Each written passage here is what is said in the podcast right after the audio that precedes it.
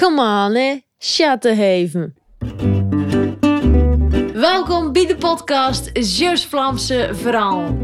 Ik ben Renske Berkmoes, taalnerd van beroep en West-Vlaming van oorsprong. Van jongs af aan wilde ik al iets doen met ons dialect en per toeval kwam ik een terug het boekje Curzanse Verhalen tegen, geschreven door een hoofdkrabbe. En aangezien ik van mening ben dat een dialect vooral is om naar te lusten, en ik hier voor jou een schone podcast van gemaakt. Om het dialect in leven te houden en de kinders en kleinkinders, maar ook de oudjes, te vermaken.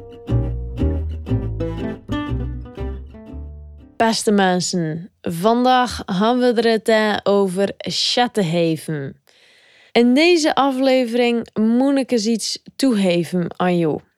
Zeeuw is een heerlijk volk. En als er nog geen stereotypering van is gemaakt, al wel bij deze. Het is een eerlijk volk. En daarom wil ik ook zo eerlijk mogelijk bluffen. Er zijn namelijk nog twee woorden in het Zeeuws-Vlaams, of beter gezegd, eigenlijk geen woord en geen uitdrukking, die bluff ik altijd in het dialect zeggen. Met wie ik ook praat. Of het nu de buurvrouw is, mijn neef of de koninginnen. Maar goed, nu komt het niet vaak voor dat ik de koninginnen tegenkom. Eigenlijk nooit, zou ik maar zeggen. Maar ik zou niet weten waar. Allee, nu denk je misschien, alle rens, Schattenheven. Nou, daar rijdt dus al het jeste. Schattenheven. Zeg het in de buurt van een Hollander en die snapte de bal mee van.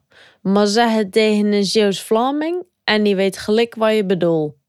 Als je schatten moet geven, dan moet je dit doen. En dat kan zijn akboze en nog duldig bij. Opschieten, chatten heven, come on.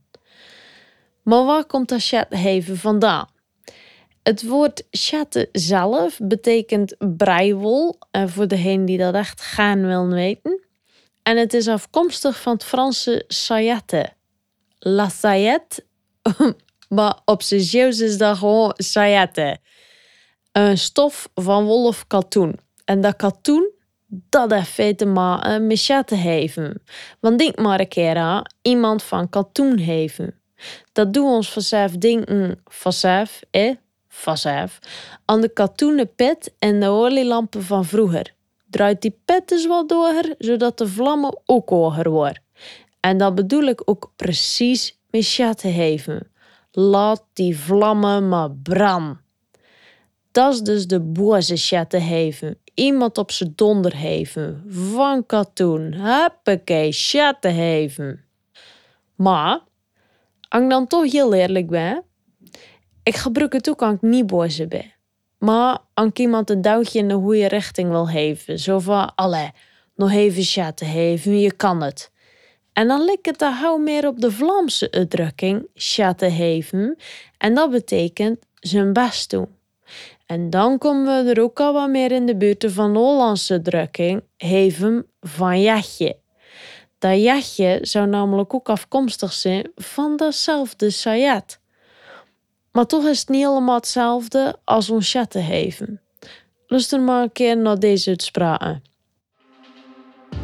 Come on, hè jongens, nog even heven. We zijn alst klaar. Come on. Hotster nokken, hier nog een keer chatten heven of hoe zit het? Als we nog even chatten heven, dan hebben we het gehad, hè? Ja! Ik ben wel een beetje klaar met dat chatten heven van jou. Je zakt er maar, hè? Ik zeg hen altijd chatten heven. Niet heven chatten, of heven van chatten, of van jetje, of van. Nee, chatten heven. Voluit. Nog even chatten heven. Ha hier nog chatten heven. Nog even chatten heven. Bij dat chatten heven. Het is gelijk hetzelfde als has geven, de doen, chatten heven. Come on! En mochten hier nu net die oplettende lustra's in aan denken, ja maar er is toch nog een woord waar je altijd in dialect blijft zeggen? Of je nu tegen de buurvrouw of tegen de koninginnen praat? Hoe bezig, zou ik zeggen. Welk woord dat is? Dat vertel ik je de volgende keer. En de chatten even. Joe!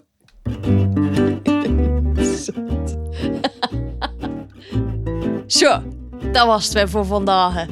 Ik hoop dat je weer hebt genoten van dit Zeeuws-Vlaamse verhaaltje. Ik zou het leuk vinden als je even laat weten wat je ervan vond.